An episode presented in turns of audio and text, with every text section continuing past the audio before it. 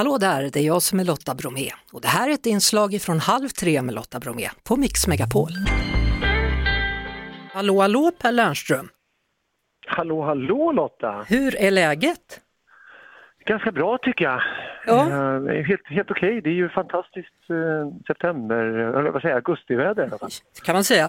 Om ni har lyssnat på Mix Megapol hela dagen då vet ni att Anis Don Demina var med i morse med Gry med vänner och berättade om Idol-raketen då som även i år eh, såklart hör ihop med själva Idol och den går alltså i TikTok då. Men vad kan du berätta för oss om det som vi kommer se i TV4? Jag har hört rykten om att det ska vara more is more i år. Ja, men lite more is more, eller ganska mycket more. Det vore konstigt hade lite more is more. Mycket more is more såklart. Ja. Vi, vi tar avstamp i kvällens avsnitt på platsen där vi kommer ha finalen i år. Mhm. Eh, Tele2 Arena. Vi levlar upp den från eh, Avicii Arena som vi i vanliga fall brukar vara på. Så det kommer bli eh, våran största och sägs det också världens största idolfinal som äger rum där i november. Så vi, vi tar början där. Men sen så är det ganska mycket som eh, kläms upp och kläms i. Vi har också åkt till Åre, bara en sån sak, Mhm. eh, på audition. Eh, och det är ju, det vet ju alla som har varit i Åre, där är det mycket mer av allting. Har alltid varit, kommer alltid vara. Eh, och sen så eh, kommer vi dessutom att ha våran eh, eh, kvalvecka direktsänd ifrån Kungsträdgården i Stockholm i september månad. Oj, oj, oj. det är en hel del spännande nyheter. Och sen kan, kan jag avslöja för dig då att eh, våran jury har alla blivit ett år äldre. De är mycket mer nu än vad de var förra året. Så det är ganska stor grej. Jag tycker att det märks på dem. ja, jag tycker visheten, klokheten och, och eh, erfarenheten, eh, allt det där har blivit ett år bättre. Absolut, på Mm. alla fyra. Men- Men själv så känner du dig yngre än någonsin antar jag? Det hör liksom ihop på något vis. Det är sjukt att man har gjort det här programmet i 11 år och jag ser exakt likadan ut. Det är Ja. otroligt. Du.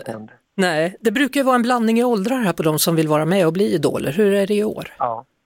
Det är ganska blandat i år också måste jag säga. Eh, merparten är väl där någonstans i eh, liksom, eh, snittåldern kanske är 19-20 så det är Mm. väl det som det brukar vara. Men vi har några som, som ändå letar sig lite upp i åldrarna och, och eh, men jag måste säga, jag har kollat på några av programmen och kollade om det här första programmet idag igen, det ligger ute nu. Eh, det är en oerhört eh, spännande, spännande gäng som vi kommer få med oss. Väldigt, väldigt peppad på att se hur de kan leverera längre fram. Man vet ju aldrig hur det kommer gå för dem heller, men, men det känns väldigt, väldigt bra.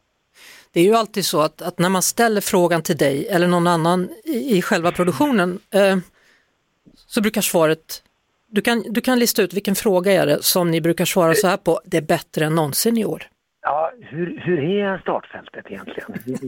Finns det några talanger kvar i Sverige? Ja, det var rätt svar faktiskt. Eh, finns det några talanger kvar i Sverige egentligen Per? Ja, jag tror inte att eh, det här landet kommer ta slut på talanger någonsin faktiskt. Men, men vi har eh, lyckats skrapa ihop ett härligt gäng som sagt. Så jag, jag eh, tror eh, i vanlig ordning att vi kommer stå där eh, när vi springer in i våra fredagsfinaler och säga att det här är det bästa startfältet vi haft någonsin. Och vet du vad Lotta, det kommer vara sant i år igen.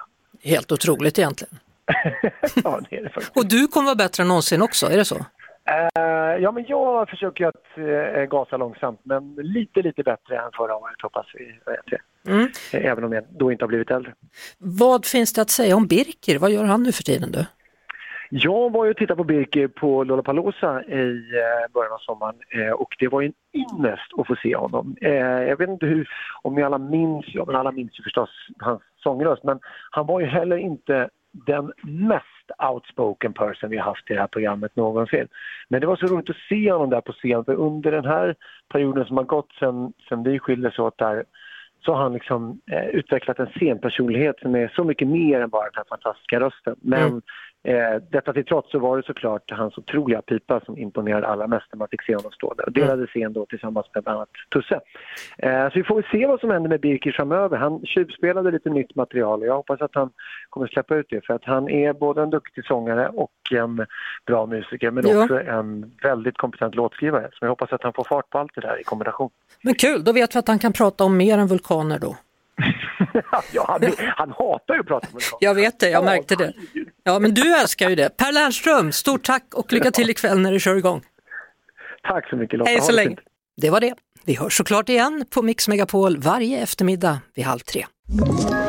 Ett poddtips från Podplay. I fallen jag aldrig glömmer djupdyker Hasse Aro i arbetet bakom några av Sveriges mest uppseendeväckande brottsutredningar. Går vi in med hemlig telefonavlyssning och, och då upplever vi att vi får en total förändring av hans beteende. Vad är det som händer nu? Vem är det som läcker? Och så säger han att jag är kriminell, jag har varit kriminell i hela mitt liv men att mörda ett barn, där går min gräns. Nya säsongen av Fallen jag aldrig glömmer på Podplay.